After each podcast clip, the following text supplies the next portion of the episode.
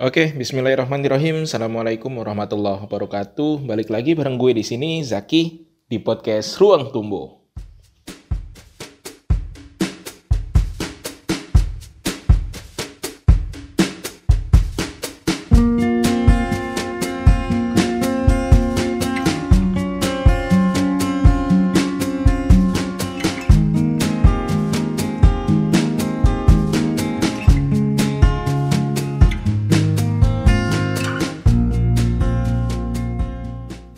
Oke, setelah sekian lama, lama banget ya, gue nggak bikin podcast.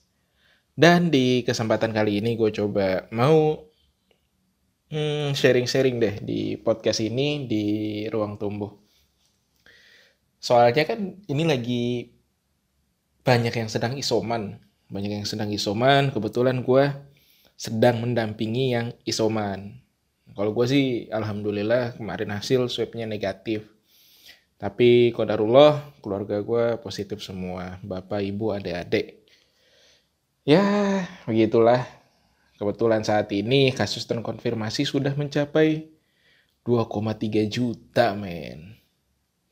Dengan rata-rata hariannya itu kurang lebih 34.379 kasus per hari per tanggal 7 Juli kemarin yang positif rate-nya itu 24%.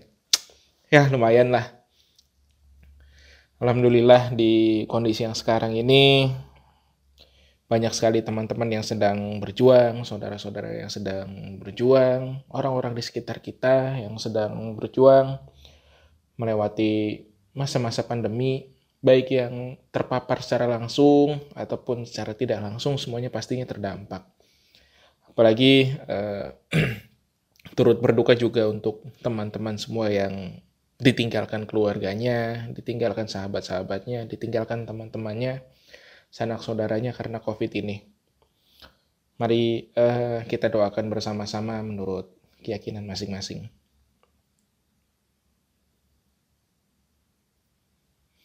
Ya, teman-teman, uh, gue mau sedikit cerita ya. Banyak hal yang sebenarnya saya pelajari di kondisi saat ini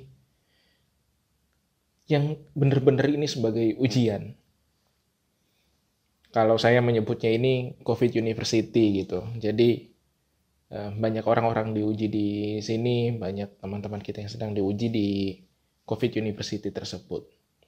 Dengan berbagai macam materi, banyak materinya. Kemarin uh, saya sharing-sharing juga sama teman-teman, sama Mbak Sita dan kawan-kawan lainnya juga. Salah satu yang diuji itu tentang financial management. Jadi gimana kita mengatur keuangan kita, kondisi keuangan kita ini benar-benar diuji juga nih. Beruntung teman-teman yang sebelumnya sudah punya dana darurat, yang sudah punya tabungan, saat terkena pandemi kayak gini juga baik yang terpapar ataupun tidak ya sangat-sangat diperhatikan lah pengeluaran pos-pos pengeluaran tersebut. Kurangi konsumsi hal-hal yang nggak penting. Karena saya sendiri merasakan nih, kebetulan keluarga kan positif. Pengeluarannya ya luar biasa selama beberapa hari ini lumayan gitu. Tapi alhamdulillah karena tahun lalu juga sempat mengikuti karir kelas yang mana di dalamnya itu masuk materi financial management. Semenjak itu saya sudah mulai mencicil mencicil dana darurat. Artinya tabungan yang itu tidak digunakan kecuali untuk hal-hal yang sifatnya urgent. Dan kebetulan saat ini di kondisi, pandemi ppkm ditambah keluarga positif ya itu mau nggak mau terpakai alhamdulillah. Mungkin kalau nggak ada tabungan nggak ada dana darurat ya gue bakalan pusing ke sana kemari itu uh, mungkin pentingnya dan darurat di situ. Kita nggak tahu kejadian yang akan terjadi di masa depan. Yang bisa kita lakukan adalah mempersiapkan hal tersebut sebaik mungkin. Salah satunya di financial management ini. Tabungan dana darurat. Kalau teman-teman tabungannya sudah tercukupi dan daruratnya sudah tercukupi ya boleh lah teman-teman uh, melangkah ke hal-hal lain. Investasi atau produk-produk menik, uh, bukan menikmati ya mencoba produk-produk keuangan lainnya seperti asuransi. Kalau asuransi sendiri gue sendiri belum bisa cerita banyak ya karena saat ini yang diikuti asuransi baru BPJS saja di luar itu gue belum ikut asuransi lainnya. Nah itu yang pertama yang diuji itu tentang financial management. Yang kedua selain itu aspek-aspek sosial menurut gue ya. Uh, social responsibility, jadi bagaimana kita menghormati teman lainnya, bagaimana kita mensupport, mensupport satu sama lain. Karena gue sendiri merasakan nih ketika kemarin gue ngabarin di status kalau keluarga gue positif, awalnya itu ayah gue doang. Tapi setelahnya itu adik-adik, ibu-ibu, alhamdulillah positif semua, kodarullah. Banyak sekali teman-teman yang mengabarkan banyak sekali teman-teman yang menawarkan bantuan, mendoakan. Mendoakan itu sudah sangat cukup berarti untuk kita. Atau sekedar say hello, chatting segala macam itu udah sangat berarti untuk kita ya khususnya yang sedang menjalani isolasi mandiri atau ada sanak saudara yang terpapar COVID. Sangat berarti. Apalagi uh, teman-teman menawarkan bantuan seperti uh, ada kalimat yang kayak kalau perlu apa-apa, ngomong aja ya, kabarin aja kalau perlu apa-apa. Lam, kontak aja ya, kalau butuh sesuatu bilang aja. Itu hal yang sangat luar biasa kalau menurut gue sendiri itu sangat berarti. Jadi uh, responsibility kita itu diuji di situ bagaimana kita menghormati, bagaimana kita peduli, care satu sama lainnya nggak usah ngasih apa-apa. Say hello ngajak ngobrol memberikan support mendoakan. Wah itu luar biasa banget sih. Pertama di situ yang kedua eh, di materi sosialnya juga yang diujikan bagaimana kita mengatur emosi kita sih aspek psikologi di sini. Gimana caranya kita nggak terlalu stres gimana caranya kita menghibur diri di posisi yang kita juga sedang mensupport sanak saudara atau lingkungan sekitar. Kalau bahasa, kalau minjem istilahnya teman itu menjaga kewarasan. Itu juga penting di situ. Karena aktivitas yang sifatnya sosial, hubungan kita kepada manusia hablum minanas selain hablum minallah yang menjadi utama kita selama menjadi hambanya Allah hablum minanasnya juga apa namanya perlu dijaga dan dirawat juga. Karena memang benar-benar nih kondisi saat ini ini harus sama-sama saling menguatkan. Nggak bisa kita berdiri sendiri-sendiri itu nggak bisa. Berat. Berat memang. Yang ketiga itu aspek spiritual. Kalau tadi kan membahas tentang habluminanas, sekarang habluminallahnya nih gimana kita benar-benar memaknai kembali arti sebuah ikhlas. Ikhlas itu seperti apa sih?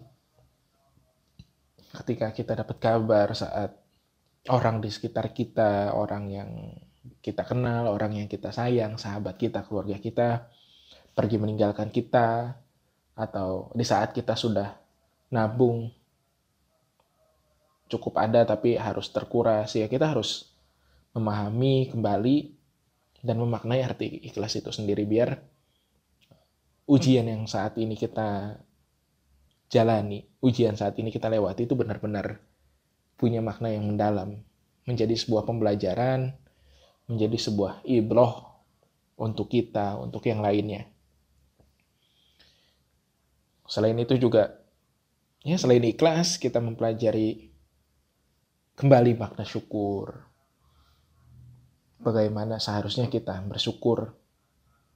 Apakah dengan kondisi yang saat ini, misalkan, ya nauzubillah sih untuk teman-teman yang lain, misalkan keluarga kita positif nih, kebetulan ada adik positif. Ya jangan sampai takdir tersebut mempengaruhi rasa syukur kita menjadi sebuah penyesalan. Yang nauzubillah itu menjadi sebuah kekufuran bagi kita kekufuran atas nikmatnya Allah. Seharusnya kan